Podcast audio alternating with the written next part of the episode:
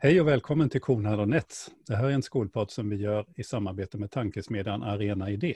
Och vi, det är jag, Per Kornhall, som är oberoende debattör, författare och tillika ordförande för Sveriges läromedelsförfattares förbund, eller läromedelsförfattarna som vi kallar oss nu för tiden. Och med mig har jag som vanligt Ingela Nets. Vad gör du? Jag eh, jobbar, jag är ju rektor till professionen men jobbar just nu som utredare och verksamhetsstöd på en eh, förvaltningsnivå i en ganska liten kommun. Så jag fortsätter jobba med skolfrågor. Eh, och så är jag lärare på en kurs på rektorsutbildningen på Uppsala universitet. Mm, och det där sistnämnda borde vi prata mer om någon gång. Det ska vi absolut göra. Men vi har, vi har mer aktuella frågor på agendan just nu. Ja, Ja, för idag har vi med oss igen ett, ett, ett, ett väldigt känt namn i skolvärlden och det är, det är Lärarförbundets ordförande Johanna Jara Åstrand. Så välkommen tillbaka till oss Johanna. Men tack så mycket. Trevligt.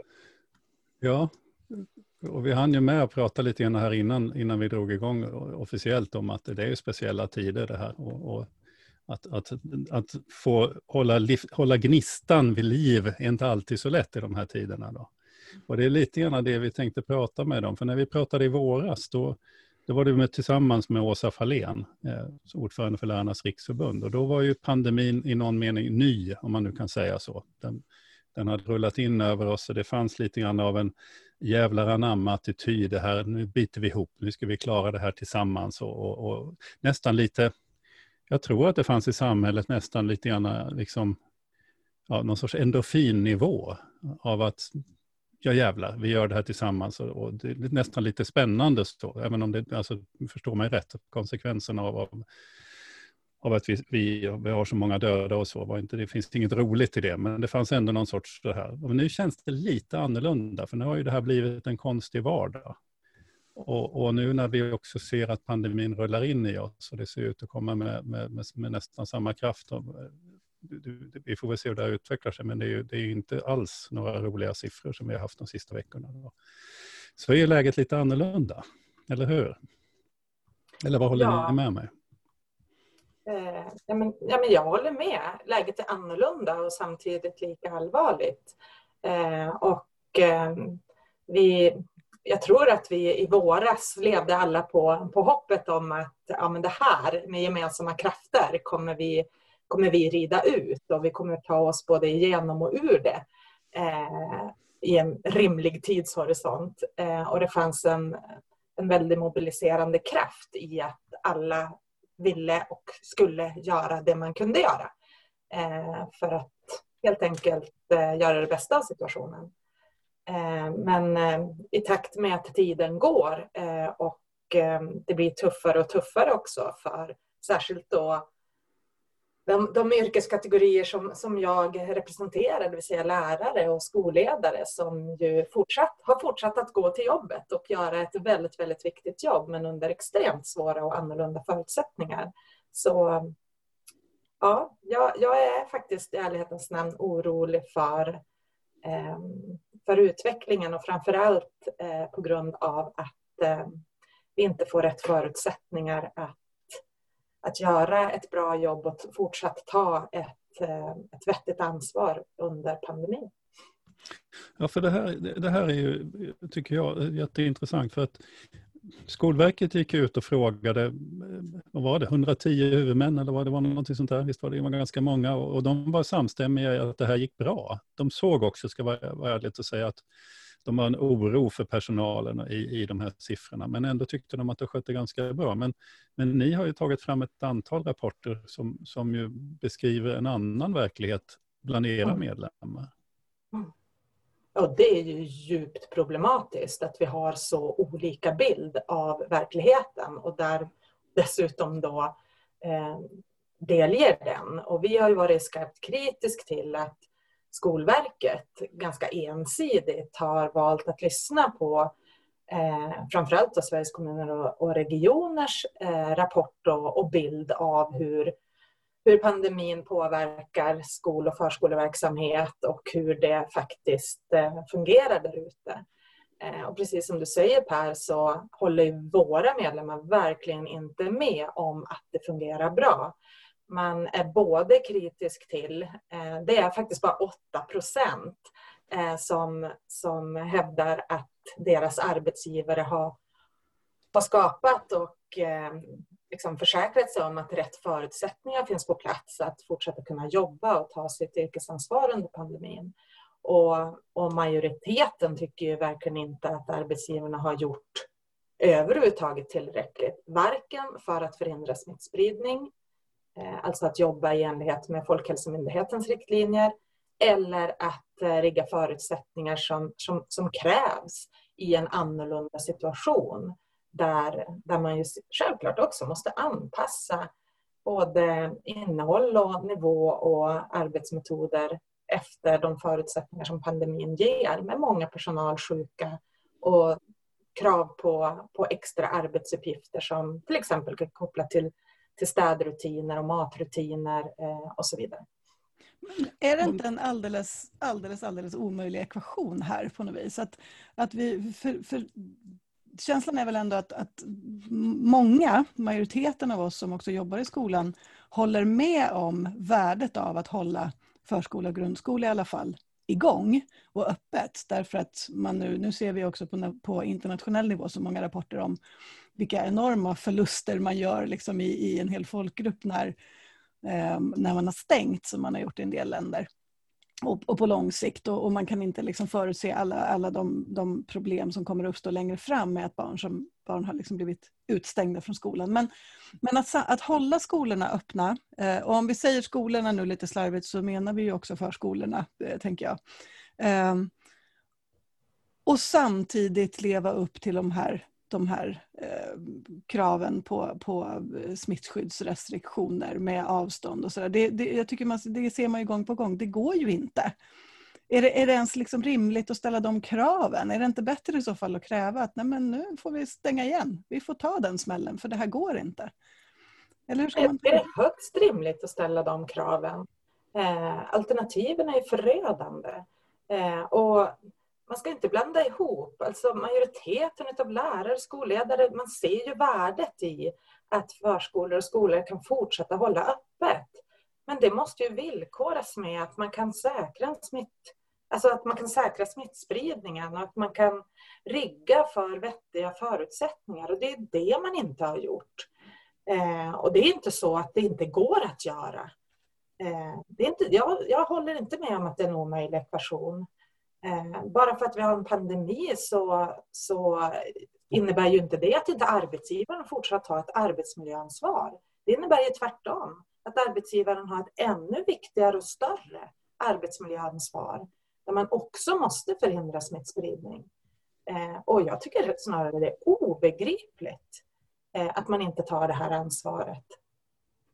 Kan du, jag kommer komma tillbaka till det här, för det här är eh, massa tankar kring det. Men, men, men en konkretisering, kan du, för de som inte, om det är någon som lyssnar som, som liksom inte är, är daglig, och, och den som lyssnar kanske är i grundskolan och inte i förskolan, och någon som är i förskolan och är inte i gymnasiet och så vidare. Kan du konkretisera lite grann? Vad är det era medlemmar ser? Vad är det, vad är det de blir vad är det de blir frustrerade över, otrygga i för situationer? Mm. Eh, ja, men det, som, det som verkligen har varit fokus på och som vi vet också spelar roll för, för att minska smittspridning, det är ju till exempel social distans som du tog upp Ingela. Eh, och det är ju inte omöjligt att säkerställa att man hyr in extra lokaler för att helt enkelt kunna vara färre på större yta. Eh, och här har ju vi bland annat drivit att det är ju extra kostnader som pandemin medför då borde ju faktiskt staten kunna gå in och ta den extra kostnaden. Det är inte så att vi inte har väldigt mycket tomma lokaler till buds, för det har vi ju. För stora delar av arbetsmarknaden har ju de facto gått hem. De sitter ju hemma. Det finns ju jättemycket ytor man kan använda. Det är ju en sån enkel och ganska, tycker jag, självklar åtgärd. Att man säkrar upp att ytorna blir större och att vi är färre på de ytorna. En annan sån här helt obegriplig eh, situation som man inte har rättat till för, för eh, lärarna. Det är ju att man att det bara ska vara självklart att alla arbetsuppgifter som inte kräver fysisk närvaro, allt som inte har med undervisning att göra, det måste ju kunna utföras på distans. Det ska ju till och med vara ett krav att man gör det.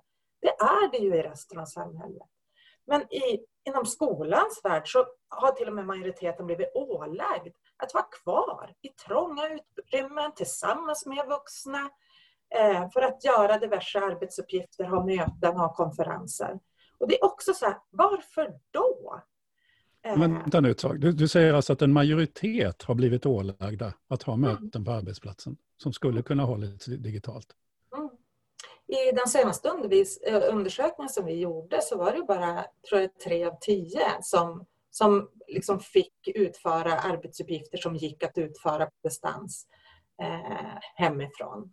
Medan vi till och med har exempel på lärare som har blivit varnade för att de inte har kommit och dykt upp och, och varit på liksom, konferenser där stora då, personalgrupper ska samlas. Så att det är någonting väldigt, väldigt märkligt i det agerandet. Eh, och där har vi legat på ministern, Skolverket, SKR och nu har vi åtminstone ministern på vår sida som går ut och tydligt deklarerar detta. Eh, men det är ju fortfarande inte en norm. Det är fortfarande att man på varje arbetsplats måste liksom kämpa för att en sån självklar sak ska vara norm under en pandemi. Vi måste komma tillbaka till det där att, att, att, att en minister kan tycka saker i Sverige men inte bestämma någonting. Inte ens i en pandemi. Eh, alltså vi får komma tillbaka till den frågan för den, den är ju spännande. Då. Men jag skulle vilja fråga dig en sak, för, för jag själv sitter och skriver en rapport om förskolan faktiskt i pandemin. Eh, och en av de här frågorna är väldigt generella övergripande frågor. En av de här frågorna som man då ställer sig från europeisk eh, horisont är hur mycket extra pengar har gått till skolan och förskolan för att mota de negativa effekterna av pandemin och så vidare. Och när jag tittar på det så tänker jag att, att nej, jag kan inte hitta några sådana uppgifter. Alltså är det så att skolan och förskolan, den är tänkt att bara fungera som vanligt? Ja, det är en jätterimlig fråga. Eh Frågar du Magdalena Andersson så tycker ju hon att man verkligen har satsat extra på välfärden och det finns ju en extra skolmiljard eh, i, i årets budget. Men, men vi, vi märker ju verkligen av eh, de nedskärningar som görs. Och våra medlemmar vittnar ju om att särskilt de här kringresurserna eh, och kringstöden, eh, de ryker när eh, pengarna inte finns. Och det innebär att till och med, Eh, ett annat exempel Per som jag kan säga som verkligen slår på förskolorna, eh, det är ju att Folkhälsomyndigheten de går ut och, eh, med riktlinjer att, att man måste öka städrutinerna. Och alltså minst en gång per dag så måste det gås igenom ordentligt Eh, om man ska använda desinfektionsmedel på allt från dörrhandtag till leksaker, till paddor, till bord, you name it. Eh, men, eh, men kommunerna har inte råd med det här, utan de har råd med städ en gång i veckan. Och de andra fyra dagarna, de ska då förskollärarna städa. Det vill säga, förutom att de då ska ansvara för det jobb vi de facto har utifrån läroplanen, eh, plus att man givetvis också måste då täcka upp för kollegor som, som, är, som är sjuka eller hemma med symptom. Eller för att det helt enkelt inte finns vikarier att sätta in. Eh, och det här, det här vittnar ju också vår undersökning om att hälften utav eh, lärarna de är, de, är, de är på riktigt oroliga över att bli sjukskrivna. Om inte av covid så av stressrelaterad mm liksom av arbetsrelaterade stressorsaker. Eh, och till och med ännu fler, sju av tio, är oroliga för sina kollegor. Så att det här ligger liksom som ett ok. Och då har ju vi tyckt att eftersom man också har gått ut från staten och sagt att alla extra kostnader som, som härrör till pandemin, det ska staten stå. Och då tycker vi in med pengar för att dels möjliggöra denna extra städning, det är banne med en hygienfaktor och se att det funkar och att det inte läggs på lärarna. Eh, och dels se till hur, hur lokaler ser ut och man kan förbättra den typen av arbetssituation som, som gäller då eh, åtminstone distans i förhållande till andra vuxna. Eh, men nej, det, vi, vi är skarpt kritiska och framförallt så, så um, är vi kritiska till att det är så kortsiktigt. Eh, man klarar inte liksom grundverksamheten idag eh, och eh, behoven är dessutom ännu större på grund av pandemin eh, och vi skjuter kostnader framför oss. Eh, och det behövs stora investeringar och de, de löftena finns ju inte till, till kommunerna idag. Eh, mm. Och kommunerna de skär, de skär ju ner utifrån hur prognosen kommande år ser ut. De lägger ju inte en plan utifrån vilka pengar man har idag. Men den här extra skolmiljarden, den hade väl ingenting med pandemin att göra, utan det var, det var väl, är det väl likvärdighetspengarna som... Mm. Det har inte kommit något extra tillskott till skolan just på grund av pandemin, det var så jag tänkte. Ja, nej det har det ju inte, utan det har ju kommit till kommunerna, men sen ska det ja. fördelas och mycket. Ja. Och där, ja. Men det har ju handlat väldigt mycket om naturligtvis om, om, om, om, om deras eh, vårdansvar och, och, och äldrevård och, och allt möjligt annat. Då. Mm. Men är det, är, det, är det ekonomin som är liksom proppen här då? För att, för att när det du beskriver, och det, det, jag hör ju samma saker och, och, och framförallt så tänker jag att det, det, det, låter som att det är väldigt, väldigt liksom olikvärdigt över landet. Det finns huvudmän och, och, och rektorer som, som eh, agerar liksom direkt och, och, verkligen kämpar för att göra det möjligt för, för personalen i förskola och skola att, att, att kunna bedriva sitt jobb så. Och så finns det några som verkar som att de inte ens har, har liksom hört att det är en pandemi, om man ska raljera lite grann. Mm. Men, men, och jag, jag hävdar ju envist gång på gång att jag tror inte att det någonstans i systemet finns, finns liksom en så cynisk skolchef eller vad det nu är, på vilken nivå det nu är, som säger så här, lite lärare får vi väl räkna med att det försvinner. Liksom. Det, det, får vi offra för det här, för nu ska vi hålla budget. Utan att det ändå finns någon sorts mänsklighet i, liksom, i en förståelse för att vi, har, vi är i en exceptionell situation. Och ändå så händer det inte. Mm. Visst är det frustrerande. Är det, fort, är det liksom ekonomin, är det ettårsbudgetarna och, och det här att man inte klarar att tänka långsiktigt som, som blir problemet här? Då? Ja, men, eh, jag tror att resurserna absolut är en del av förklaringen. Men det handlar också om kompetens. Det handlar om rutiner. Eh, det handlar om vana att faktiskt på riktigt lyssna in eh, och ganska snabbfotat vidta åtgärder. Så det, det, det är många, många delar och vi jobbar ju stenhårt nu med våra skyddsombud och huvudskyddsombud att liksom kontinuerligt genomföra risk och konsekvensbedömningar.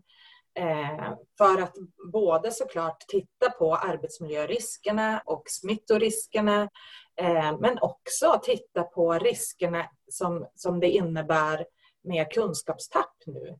Eh, för, för att också liksom rama in att Eh, eh, vi är i en helt extrem situation som, som jag konstaterar vi aldrig någonsin har varit i. Eh, och då, då måste vi också i den här typen av riskbedömning och systematiskt arbetsmiljöarbete titta på kvalitetsaspekterna också. Eh, för för där, där har vi ju liksom, om vi, om vi skjuter kostnader framför oss så skjuter vi också behov av, av den typen av insatser framför oss. Och då, då, det bygger ju på att det ska finnas lärare som håller och orkar och eh, kan, kan finnas där eh, och, och kliva in när vi har tagit oss igenom den här skiten. Men, men en sak kan ju vara ekonomin och sen har vi olikvärdighet som, som ju är... Alltså, jag pratade ju med Richard Elmore som var med, med i OECDs kommission 2015. Han var också i en OECD-kommission 1992 och han, han doktorerade i Sverige på 70-talet. Så han har följt svenska skolsystemet väldigt mycket, professor i USA. Han sa att det som, som slog hårdast för den här gruppen som kom 1900, nu, eh, senast då, eh, 2015 från OECD, de forskarna som var med, det var att se olikvärdigheten mellan kommuner. Det vill säga att de var i en större kommun, det var precis under flyktingmottagandet, de kunde se att den kommunen hade muskler och byggde upp någonting som var strukturerat och systematiskt och så, men i en annan kommun så kom de tillbaka och bara skakade på huvudet. Eh, så. De var chockade över den brist på kompetens som fanns i den här lilla kommunen för att hantera den här frågan. Och det är inte, ett, det är inte ett, alltså, det är inte för att man försöker bärsa den lilla kommunen, det är bara det att de hade inte kommit, det fanns inte människor, det fanns inte resurser, det fanns inte kunskap att hantera det här. Och det här är någonting som vi ser hela tiden i det svenska eh, systemet. Vi har ju en, en, och inte minst om vi ska prata förskola, där har vi ju en extrem decentralisering av systemet. Jag menar, hur många huvudmän har vi på förskolan? Det, det handlar om tusentals eh, huvudmän som ska fatta de här avgörande eh, personalpolitiska och regelverksbesluten. Mm. Kan vi överhuvudtaget tro att, att vi kan få någon ordning på det när in, om inte det finns ett, liksom ett regelverk att förhålla sig till? Alltså kan det, det måste ju bli jätteolika bara. Mm.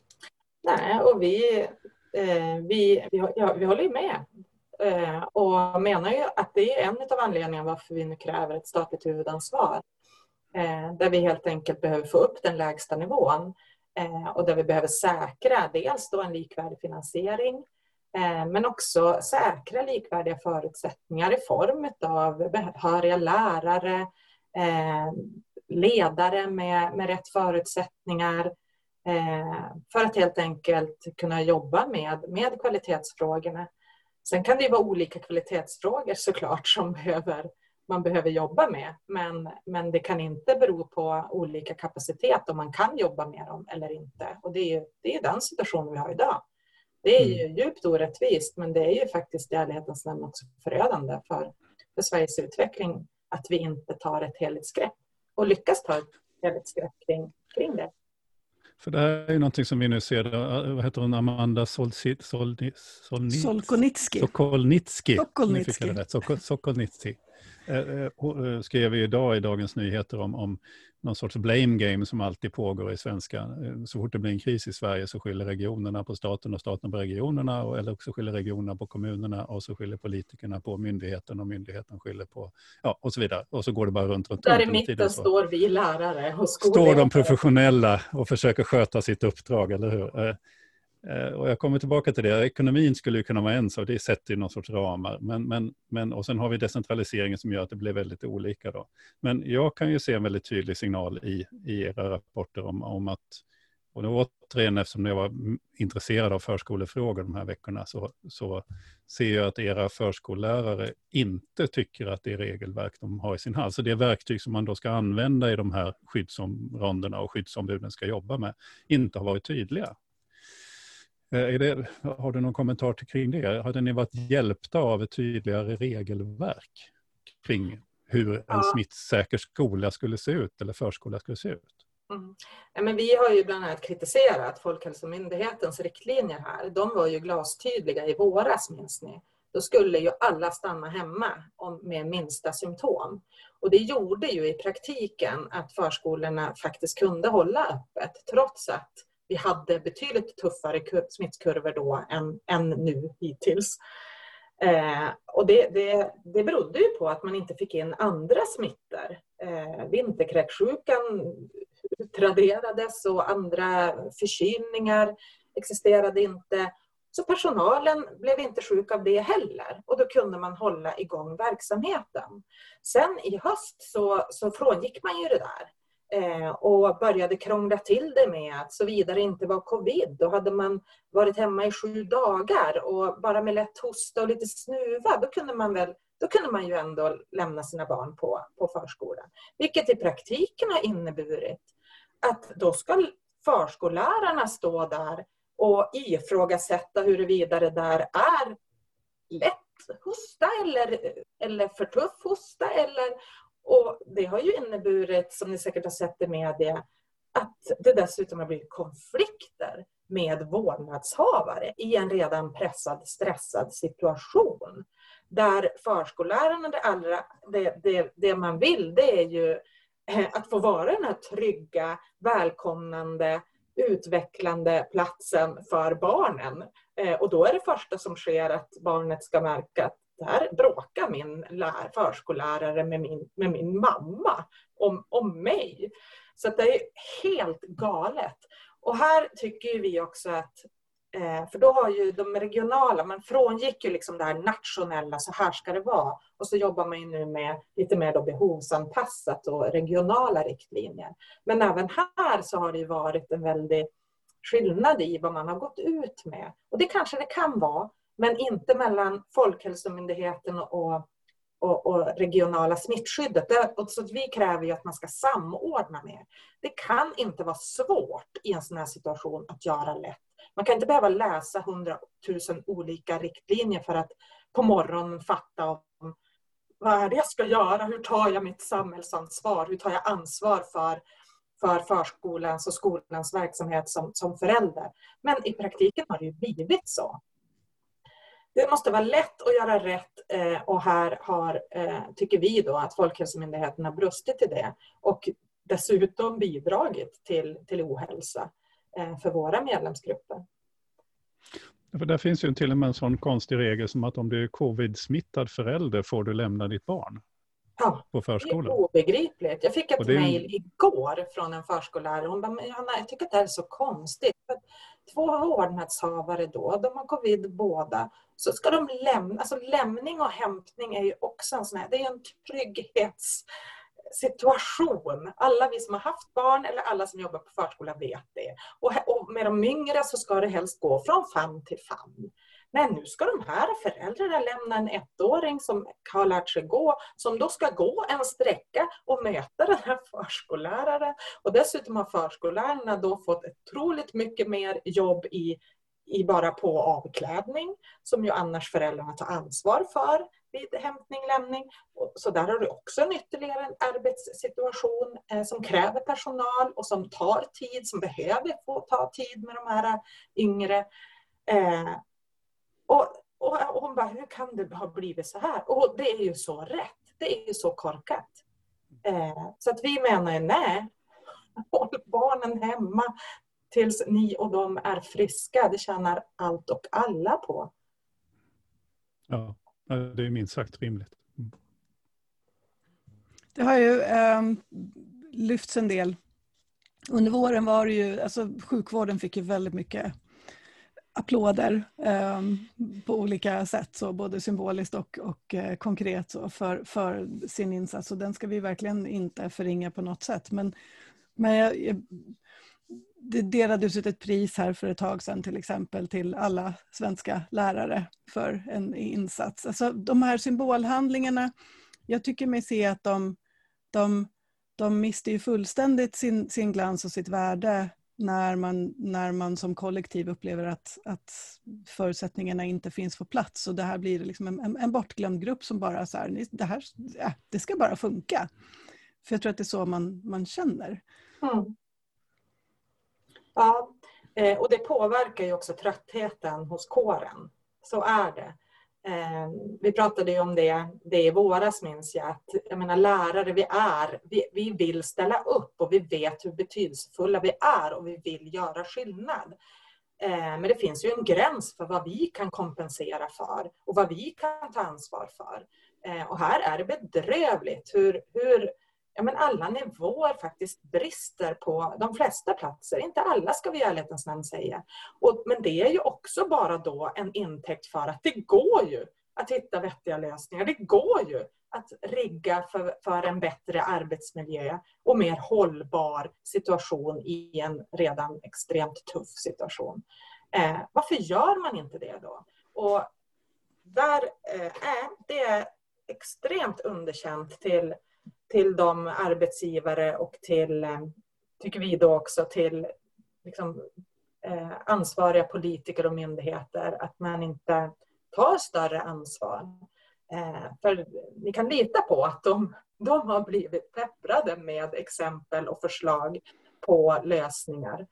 Eh, men ändå så, så hade vi, när vi gjorde den här rapporten i slutet på september och början på oktober, en eh, ohållbar situation för majoriteten av svenska lärare. Inte okej. Okay. Men vad får ni för svar? För jag tänker att du, du och dina kollegor sitter naturligtvis i mängder med samtal med beslutsfattare om det här. Mm. Och någon gång men... måste de ju också säga att ja, men inte bara vi hör vad ni säger utan också det här är våra förslag till, till förbättringar. Kommer det några förslag? Eller? Ja, nej men en del av problematiken är det du, det du eh, touchade Per, det vill säga det är alltid någon annans ansvar.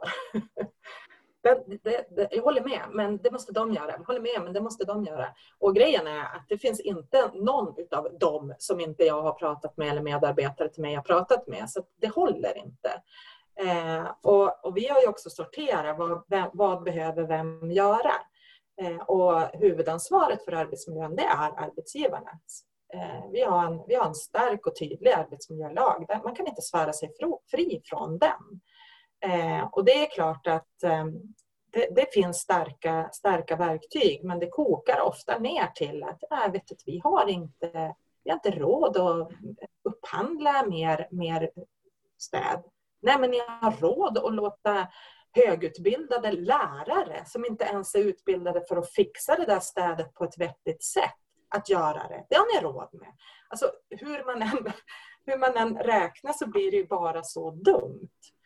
Eh, jag och, tror ju inte... Mm. Ja. Fortsätt Johanna. Nej, men vad skulle du säga? Vad tror du? Ja, nej, men jag tänkte det du säger att man inte har råd. För, för, uh, Ingela var lite snäll. Alltså, Ingela sa det att det finns inga, alla skolchefer är snälla, sa Ingela. Det, det, det tror jag, jag är en det. av de här... Ja, det tror jag, du vill gärna tro det Ingela, men jag ja. tror att det är en av de här myterna vi behöver spräcka i det svenska samhället. Alltså det här om att alla är så jävla snälla hela tiden. För, för de skolchefer som sitter i kläm mellan en budget eh, som kommer ifrån kommunen, eh, från en kommunfullmäktige som inte inser skolans behov och, och vad man säger nere på golvet i skolan. Så det som befordrar den personens karriär och fortsätta liv i systemet, det är inte att lyssna på lärarna, utan det är att lyssna på kommunledningen. Eh, alltså vi ska inte tro att, att system fungerar därför att alla människor är snälla och alla svenskar är så jättesnälla och så, utan vi har, vi har tydliga incitament att följa budget i första hand och att, att bry sig om i verksamheten i andra hand. Och det kan vi inte vara naiva för. Det är därför vi behöver de här regelverken. Det är därför vi behöver en arbetsmiljölag. Det hade vi inte behövt annars om alla var så jäkla snälla. Men då är frågan bara hur, alltså det som då stör mig då är att, att systemet inte inte tar hand om den här oron, att alla de här lärarna ska känna sig så otrygga i den här jätteextrema situationen, att vi inte förmår att skapa ett, ett ledarskap som tar ansvar för det här. Eh, det tycker jag är, jag tycker det är otroligt störande. Men vi kan inte blunda för att vara naiva inför de drivkrafter som finns för olika personer i systemet. Nej, men, eh, och vi, vi går ju såklart på förutsättningsgivarna. Det är ju den politiska nivån eh, också i kommunerna och, och så. Men, eh, och träffar vd i, i de fristående skolkoncernerna och verkligen driver och jobbar med de här frågorna. Jag håller med dig på ett sätt Ingela, för jag har hittills inte träffat någon som i alla fall skulle erkänna att Nej, men vet att vi har som största intresse att se till att det här inte funkar överhuvudtaget bland våra lärare. Så är det ju inte. Det är inte en drivkraft. Eh, men det är många gånger en oförmåga, att man inte ser hur saker och ting hänger ihop, eh, att man inte i tid fattar de här helt avgörande besluten. Eh, och som, som är viktiga i praktiken, men som många gånger kan vara ännu viktigare mentalt. Det vill säga att man känner att man har folk och politiker och arbetsgivare som fattar hur vi har det, som erkänner det.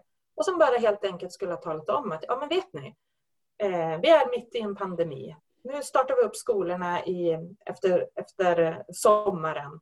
Eh, nu, nu alla, allt arbete som går att utföras på distans, det gör ni hemifrån. Och vi har full förståelse och full tillit och full förtroende för att ni inte kommer jobba för mycket bara för att jag inte har koll på var du jobbar. Utan nu, nu gör vi så här. Och det skulle också betyda så himla mycket psykologiskt. Eh, för just den här yrkeskåren som inte gör annat än att ta ansvar dygnet runt. En, mycket en, av det här är... Mm, jag, tänker, ja, jag bara tänker hur mycket av det här är, det finns ju också, en, som jag kan se det som också, återigen på det här med naivitet, att en otrolig naivitet i förhållande till pandemin i Sverige. För jag menar, någonstans här under, under, efter sommaren och sommarlovet och, och, och, viruset klingade av i hela Europa och väldigt mycket så i Sverige. Vi hade en väldigt låg smittnivå när hösten drog igång. Då fanns det någon sorts idé om att nu ska vi öppna upp samhället. Alltså man, man släppte in, man öppnade upp gymnasierna, man öppnade upp universiteten. Vi skulle mm, ta bort eh, att de äldre ska börja träffa folk. Eh, vi skulle börja träffas, vi skulle börja gå på teater igen. Alltså det fanns ju någon sorts, eh, och de här scenarierna som Folkhälsomyndigheten delade ut till regionerna och som de planerade efter, alla de är ju nu, visar ju sig vara otroligt naiva. Och så nu kommer pandemin igen. Nu låtsas man visserligen som att vi visste om att, att det inte skulle kunna bli så här, men det är ju inte sant. Alltså, någonstans också en sorts eh, önsketänkande som har fått styra hur man har hanterat olika sektorer i samhället. Mm. Ja, det har jag ju ingen som helst aning om. Jag hoppas ju att vi kan lita på våra smittskyddsexperter och de analyser de gör. Och det är ju de facto också så som, som vi pratade om innan, innan vi började sända. Att det, är ju, det här är ju nytt för allt och alla. Eh, och eh, vi som som människor måste ju lära. Men det som är anmärkningsvärt det är ju att eh, inom skolan, alltså medans, Medan resten av arbetsmarknaden har man har ställt in, man har ställt om, eh, så har ju lärare fortsatt ställa upp.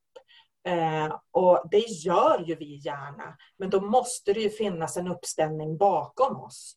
Eh, och där, där, där man måste liksom rigga de här förutsättningarna, både på ett smittsäkert sätt, men också eh, rigga dem så att, vi, alltså att lärarkåren orkar hålla ut längre än vad pandemin gör. Det är ja, jag. Det, alltså, ja, men jag kan ju tycka det också. Nu befinner jag mig i Uppsala. Vi var ju första regionen med, med, med de här lokala regionala råden när de kom. Och då blev det ju väldigt tydligt att vi skulle sluta. Jag skulle ju, som har suttit i det här lilla rummet och skött mitt yrkesliv under ett halvår, jag skulle dessutom nu sluta träffa mina vänner. Det är ju det som ingår i de lokala råden. Men samtidigt skulle jag skicka min, min, min bonusdotter på en, en full buss på morgonen till en gymnasieskola med tusen elever, där lärarna förväntades då att, att vara där. Och hon, hon, vittnar om, hon berättar ju om att, det, att smittskyddsåtgärderna inte är... Hon känner sig otrygg på skolan helt enkelt. Mm. Eh, så det du beskriver är just det att vi, vi ställer, har ställt olika krav på olika yrkesgrupper utan att erkänna det och utan att... Eh, så, så, min fråga egentligen ligger i det här, ligger i, om vi då tittar på, ni pratar, pratar om att ni, ni försöker hitta, eller, eller ni presenterar lösningar. Vad är det för lösningar, vad är det för regelverk, vad är det för möjligheter ni skulle vilja ha på plats som skulle hjälpa era medlemmar? Det är mm. så jag tänker. Alltså hur skulle de här på, på min bonusdotters gymnasieskola, vad skulle de behöva ha i handen för att kunna lösa det här uppdraget och känna sig trygga mitt i pandemin? Mm. Eh, ja, men dels så är det ju, om, om vi börjar uppifrån, så tycker vi att staten ska verkligen försäkra varenda huvudman om att man eh, skjuter till de pengar som krävs för att vidta åtgärder. Både för att möjliggöra social distans, det vill säga eh, skaffa fler och mer och större lokaler. Eh, att stärka upp personalmässigt så att den här typen, alltså matsituationerna, eh, situationer mellan lektioner eh, går att eh, eh, organisera på ett mer ansvarsfullt och smittsäkert sätt. Eh, vi ser också att man skulle behöva kanske anställa andra typer av kategorier som kan både avlasta och komplettera lärarna i den här tuffa situationen. Eh, vi menar att man ska vara tydligare med att gå ut med att det inte ska förekomma dubbelarbete, det vill säga att lärarna ska behöva ha parallella planeringar för såväl närundervisning som distansundervisning, som ju också är en, en stor arbetsbelastande och också kvalitetsfråga eh, för lärarkåren. Eh, sen när det handlar om arbetsgivarna så, så är det ju det här vi redan har pratat om. Det ska Eh, såklart upphandlas och säkerställas att städrutiner fungerar och att de sköts av de som är eh, utbildade för att göra just det. Det, är ju, har, det, det har ju aldrig varit så viktigt att man, att man, att man faktiskt gör det ordentligt eh, som nu. Eh, vi är också skarpt kritiska till att det var skolan som skulle lösa kollektivtrafikens problem och inte tvärtom. Där hade man väl verkligen kunnat Eh, dubblera antalet bussar, göra särskilda turer för just eh, gymnasieungdomarna. Det finns ju, ja, så.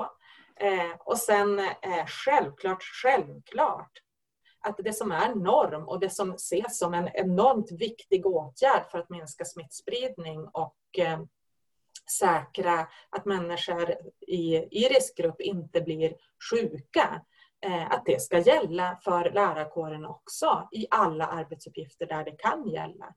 Eh, det, det, tycker jag, det tycker jag på riktigt är mest anmärkningsvärt.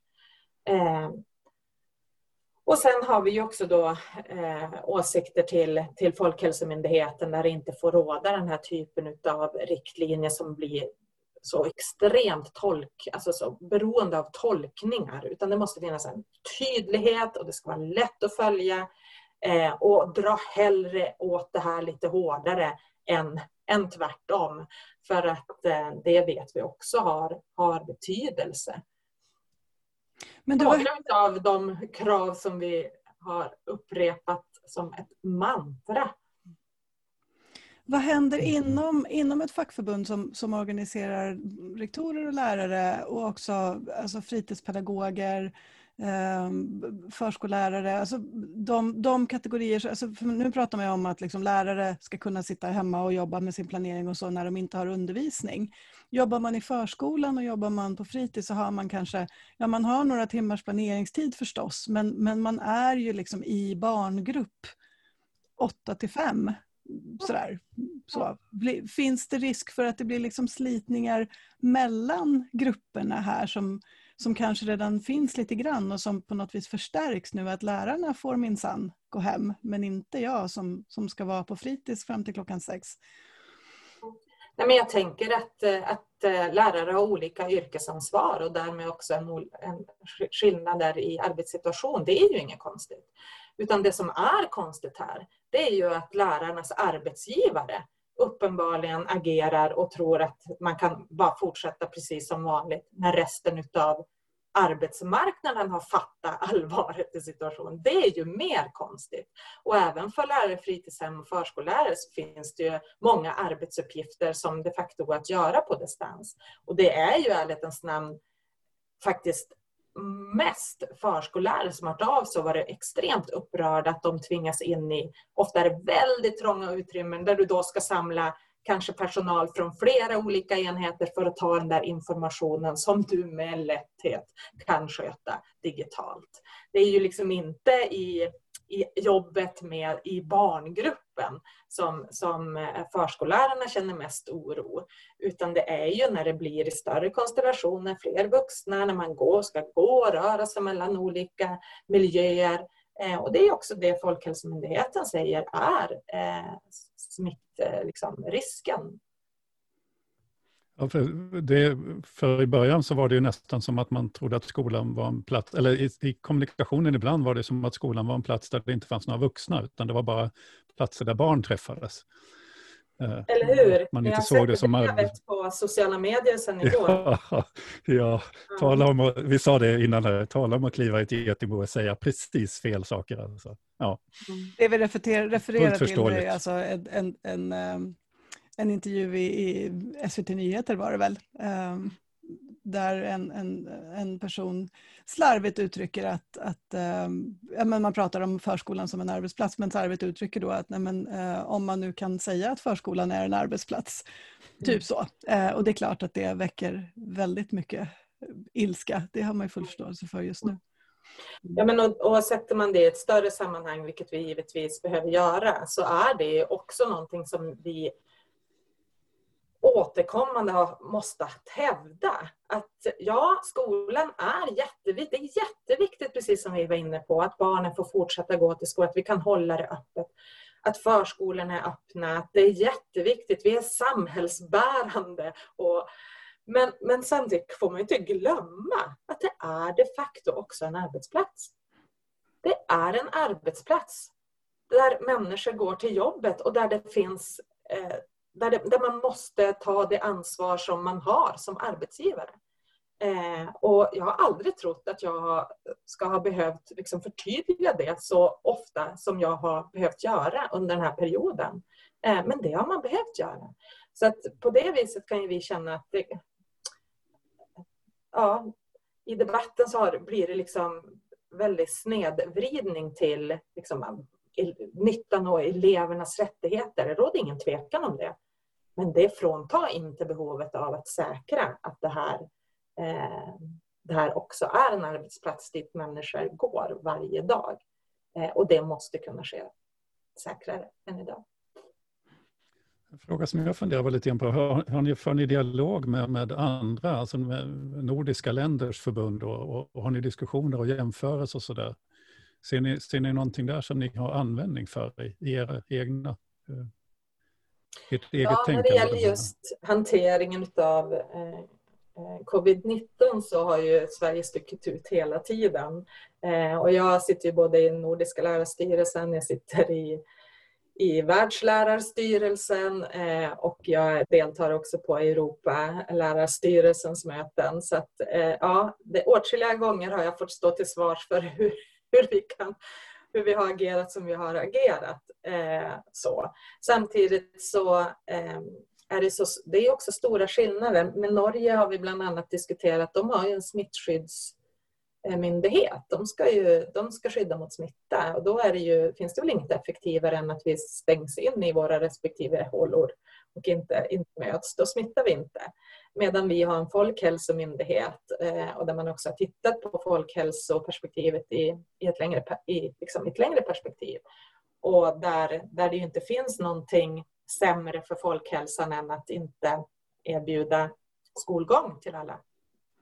Så det är liksom ett perspektiv på det hela. Eh, men däremot så har vi ju extremt eh, samsyn i hur förödande det är. Trots att vi har haft öppet och distanslösningar så är ju alla enormt oroliga för just utbildningsskulden, mm. kunskapstappet eh, som det här innebär. Och oavsett om jag pratar med lärare i, liksom i Asien eller i Kanada eller i Afrika eller i Sydamerika så ser man ju också samma trend att det är ju de de elever som har det riktigt tufft och där skolan spelar extremt stor roll för deras framtida livschanser. Det är ju också de som, som nu riskerar att falla mellan stolarna.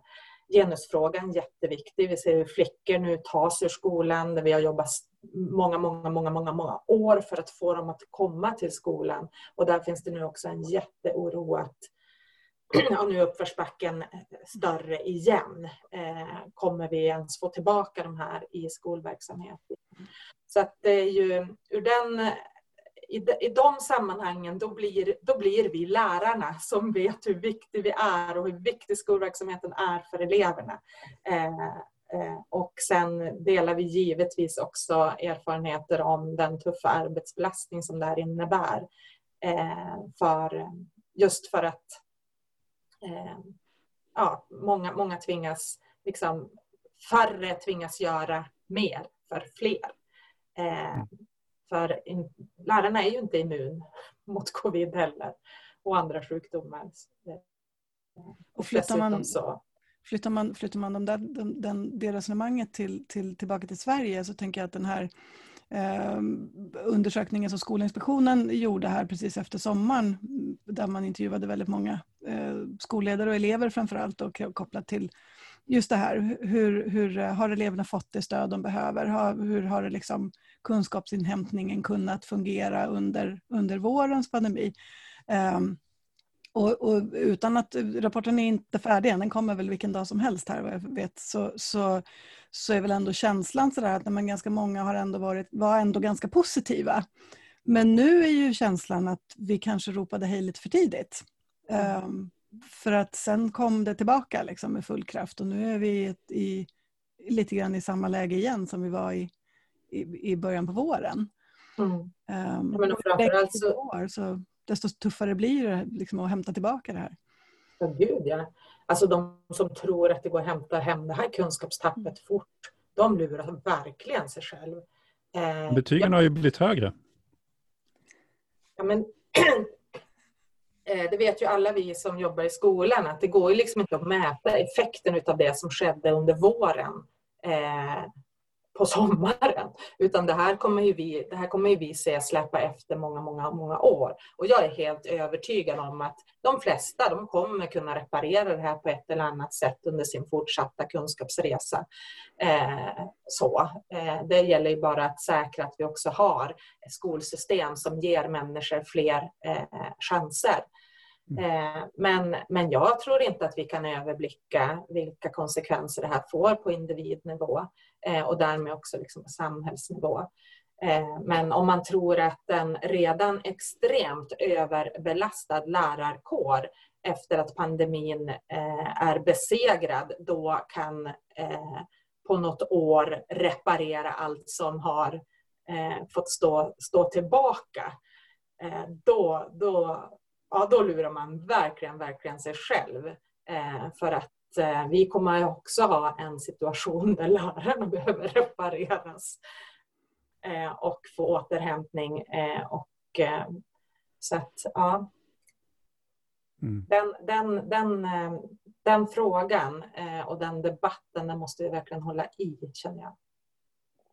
Det är ju också så här att vi, det är, det är kusliga, en, en kuslig aspekt med, med den. Det finns så många kusliga aspekter med en pandemi så det var dumt uttryckt. Men en aspekt som är, är problematisk det är ju just som, som jag tycker du sätter fingret på. Vi vet faktiskt inte.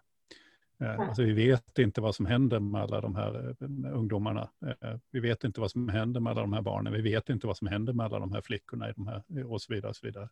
Mm. Också därför att vi inte rör oss omkring, vi träffas inte. Och, och det finns inte liksom den, den kommunikationen. Och vi, jag tror inte vi har tillräckligt många eh, forskare som tittar, alltså som tittar på de här effekterna. Säkert har många blivit intresserade av det, men egentligen borde vi naturligtvis ha centrala insatser nu och följa det här och följa det på ett mycket, mycket djupare sätt än, än att fråga huvudmännen hur det går. Utan man skulle ju verkligen behöva vara ute i noderna och studera och få det här för effekter för, för människor och individer. Så. Det, det, gör vi inte riktigt tillräckligt mycket tycker jag. Och det är svårt att göra det nu. Nu bara hanterar vi en jättesvår situation. Mm. Och vi, vi har en oro för att det finns någonting som händer. Men, mm. men vi mm. vet ju faktiskt inte fortfarande vad det där är. Då. Ja, så... Sen är jag ju personligen lite glad för att betygen inte sjönk, utan de kanske inte hade behövt stiga, för det tycker jag var lite onödigt. Men, men jag är ändå glad för det, för jag tycker inte att ungdomarna skulle förlora livschanser, alltså utbildningsvägsmöjligheter, på grund av att de har lärt sig mindre. Jag är övertygad om att de har lärt sig mindre. Betygen är, det är något annat i det. Men, men jag är lite glad då över att, att de kan fortsätta studera vidare. De inte tappar på det sättet. Men de kommer ändå att tappa i kunskaper. Och så.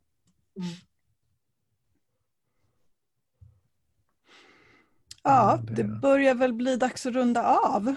Mm. Ehm, det, det, är många frågor kopplade till, till, det liksom nu, till nuläget som, som, är, som är väldigt relevanta att prata om. Men också det här att, att, att lyfta blicken lite grann och se, försöka överblicka vad, vad, vad som kommer framåt. Så. Vad, när, när, Ja, förlåt. Kör Per. Nej, jag bara tänkte att det här är inget roligt samtal, men det är inte meningen heller. Det är inte roligt med en pandemi. Eh, utan vi får se det här som en, lite grann som ett, en signal ut till, till skolsystemet och till huvudmän och, och arbetsgivare att nu får, man, nu får vi faktiskt eh, hjälpas åt. Och det, det, innebär att arbetsgivarna också måste hjälpas åt så att lärarna kan känna sig trygga och göra sitt, sitt totalt samhällsbärande uppdrag. Mm. Jag tänker att det är ju faktiskt det viktigaste Eh, alltså det viktigaste är ju att det är så mycket med pandemin som är oviss. Eh, och därför är det än viktigare att man gör det man vet spelar roll eh, och gör skillnad. Eh, och det är faktiskt det som gör mig mest frustrerad.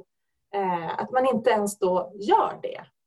Eh, för att jag är helt övertygad om att vi som människor och vi som lärare, vi kommer ta oss igenom ur det här. Vi kommer hitta lösningar, vi kommer kunna identifiera vad som har varit problematiskt och vad vi måste reparera och vad vi måste ersätta på olika sätt. Eh, men att man inte under tiden liksom gör allt man kan för att värna och värdera då sin, sin lärarkår och liksom ha extremt stora öron och lyssna in. Vad kan vi göra mer? Vad kan vi göra mer? Det här måste fungera. Vad, vad är det mer ni behöver? Stann upp. Liksom, jag skulle vilja ha att eh, den mobiliseringen runt mm. lärarkåren. Jag tycker att vi, vi har faktiskt fått sett den och jag, jag, tycker att det är bra när det gäller vården. Att man är mycket mer så, okej, okay, men gud, och då måste vi fixa, fixa, fixa. Eh, men precis som du sa Ingela, så är det inte alls på, på samma sätt med skolan. Eh, och jag tror att det kommer stå, stå oss dyrt. Eh, att vi inte gör... För det är alltid mycket, mycket billigare att göra rätt och lyssna in från början än att försöka fixa det i efterhand. Det är faktiskt en jätteintressant observation, för om vi lyssnar på regionerna så pratar de väldigt mycket om sin trötta vårdpersonal. Mm. Men vi hör inte SKR prata om de trötta lärarna. Så det, det, är faktiskt en spaning, det har inte jag mm. tänkt på. Men, men där argumenterar man ju hela tiden med, med den trötta personalen som är, är så synlig då. Intensivvårdspersonal och annan som är trött. Eh, men vi hör inte riktigt det samtalet när det gäller lärarna. Skolverket har i alla fall lovat att de ska, de ska använda båda öronen nu. Inte bara SKR-örat okay. gör sina analyser och rapporter utan också den, också den viktigaste eh, gruppen, det vill säga lärarna och skolledarna. Ja, det var jättesnällt av dem tycker jag. Ja. Uh, vi får väl avsluta där antar jag. Uh, jättetack för din medverkan Johanna och tack för att du tog dig tid. Tack själv. Och detta. Och lycka till. Detsamma. Sköt om er. Bra. Tack detsamma. Hej då. Hej då.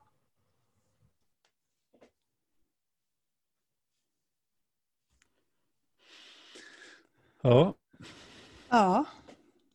Jag tänkte på, på det, det, som vi pratade om här med, med Ehm, betygen. Man, kan, man, man, man, ser man dig när du kommenterar Johanna där att, att ja, men, betygen är ju bra för våren. Så ser man ju ditt aningen ironiska leende där också. Eh, och, och, så är det naturligtvis. Samtidigt som jag håller också med om att det är bra att det inte är liksom, eh, den, den kullen un, ungdomar vars vars liksom framtidsval delvis beror på just betygen våren 20 som, som drabbas av det här. Men jag tänker att det finns en, det finns ju en uppenbar risk där att om, om det är det lärarna har gjort, lite grann det du pratade om tidigt i våras, den här någon sorts amnesti liksom från, från, från mm. den vanliga hårdheten i bedömningarna. Um, men, men huvudmännen uppfattade och politikerna uppfattade det som att ja men vad bra, det här får, skolan fixade ju det här, det var ju inga problem. Allt är som vanligt. Då får vi ett, ett, ett liksom kommunikativt problem i någon sorts orsak och verkan här tänker jag. Ja. Jo, nej, men så är det. Det är, ett, det är, ett, det är, och det är ett reellt problem. Och mm. återigen, så, tillbaka till det där jag jag anklagade dig för att vara otroligt naiv, så, så, så är det här just en sån där fråga man inte får vara naiv, vad som används i det, i det politiska Nej. spelet på olika nivåer Nej. för att eh, hävda det ena eller det andra. För mm. att, eh, fred, så att säga, eh, för att prata alldeles, alldeles förenklat, men, men att freda den där budgeten för ishallen från skolans behov, så, så mm. kan man jättegärna använda den typen av argumentation mm. på olika nivåer. Mm. Och det är klart att jag fattar att, att, att den där drivkraften att, att hålla budget och vara duktig åt rätt håll så att säga och, och värna sin, sin karriär och sin position och kanske sitt jobb i värsta fall. Så. Mm. Eh, jag har, det har jag ju själv prövat, liksom, provtryckt det systemet några gånger och, och, och sett vad det, vad, vad, det kan, vad det kostar. Så att säga. Det är klart att jag förstår att det finns där. Um, och, ja, det, det säger ju en del om, om, om liksom kraften i systemet. Mm. mm. Helt klart. Ja, det här var ett jättebra samtal och jag, jag mm. tycker att, att, att, Johanna är tydlig eh, mm. och en bra röst för lärarna. Och det här mm. är inte någonting som är, som, är, som är roligt. Det här var inget roligt samtal. Det var ett spännande samtal mm. och ett intressant samtal. Men, men, mm. vi är i bekymrade tider och, och nu kan vi, måste nog samhället inte bara så, så att säga, förvänta sig att lärarna ska göra, utan samhället, eh, arbetsgivare och system och myndigheter mm. och sånt behöver faktiskt ställa upp på deras sida så att mm. de kan hantera den här situationen. Mm. Och det inte kommer att krävas... Vi, ja, ja, nej, men jag menar inte minst eftersom vi just nu ser en, en, en, en dramatisk situation där vi stänger ner Sverige igen. Mm. Och jag tänker att det, för, för när Johanna säger sådär, men det, det, det är väl bara att hyra fler lokaler så att man kan sprida mm. ut sig på fler. Det, det, låter ju väldigt enkelt och det kanske egentligen inte är så svårt men det kräver jäkligt mycket liksom fantasi, fantasi och mm. kreativitet på, på huvudmannanivå till exempel. Att, att faktiskt, och, och lite grann det här också att, att ta de där besluten som går utanför ramen och pröva dem. Um, är det någon gång vi ska våga testa väldigt oortodoxa sätt att, att, att bedriva skola så är det ju kanske nu när det är helt nödvändigt för att också och liksom rädda en, en eh, professionell yrkeskår från att och, och liksom gå i väggen allihopa. Så. Så jag, tror inte, men jag tror inte att, visst man måste tänka utanför boxen, men jag tror inte att, att, att det räcker med att med att, så att säga, en, en uppmaning om att tänka utanför boxen, utan det som hade krävts för att lärarna skulle få till det, kunna ställa det kravet på sina huvudmän, vore ett regelverk för hur tätt elever får visst mm. sitta mm. till exempel, mm. tydligt. Exakt. För då helt plötsligt inser man att oj, vi måste ha mer lokaler och då blir man tvungen att gå ut och hyra ja. de här tomma lokalerna ja. som står här och där för att få till stånd en undervisning. Mm. Och då kanske, då skulle det, all, all, ja, man, så säga, man behöver ha någonting att hålla i handen. Mm. Men, men, men goda huvudmän gör ju det du säger. Men, men mm. det är också ett problem i vårt system att vi har 290 kommuner och vad man än diskuterar med, med Sveriges kommuner och regioner så pekar de på de tre som gör rätt visar mm. att det finns fantastiska möjligheter för mm. systemet. Men, mm. men, det är inte det vi är intresserade av. Vi är intresserade Nej. av att alla lärare i Sverige går till en vettig arbetsplats mm. under pandemin. Vi är intresserade av att alla elever i Sverige går till en bra skola. Inte om, mm. inte om tio lyckas med uppdraget som, som på ett föredömligt sätt. Utan vi är intresserade av att det faktiskt fungerar för alla hela tiden. Och då måste man lägga en grundnivå. Det är det ja, Johanna är inne på med, med ett statligt ansvarstagande. Att Precis. man måste sätta, en lägsta nivå måste vara garanterad. Mm. Och sen kan alla snälla människor göra mer än det. Just det. Mm. mm. Ja, men vi får, väl, vi får avsluta där. Eh, yes. Ingela. Och du har just lyssnat på ännu ett avsnitt av Kornhall Nets, som är en skolpodd som vi gör i samarbete med Tankesmedjan Arena Idé. Och vi som gör den är jag Per Kornhall och så är det Ingela Nets. Och i varje avsnitt så intervjuar vi en eller flera personer vars kunskaper, position eller arbete vi tycker är intressant för den svenska skolan. Om du har någon som du tycker att vi ska prata med eller om det finns speciella frågor du vill att vi ska belysa så hör gärna av dig. Eh, du hittar våra kontaktuppgifter där du hittade den här podden. Och vill du inte bara ha oss i öronen utan också se, eh, se oss så finns det faktiskt också som en videopodd på Arenas idé hemsida, Facebook-sida. Men med det så säger vi tack för nu. Vi hörs snart igen. Hej då! Det gör vi. Hej då!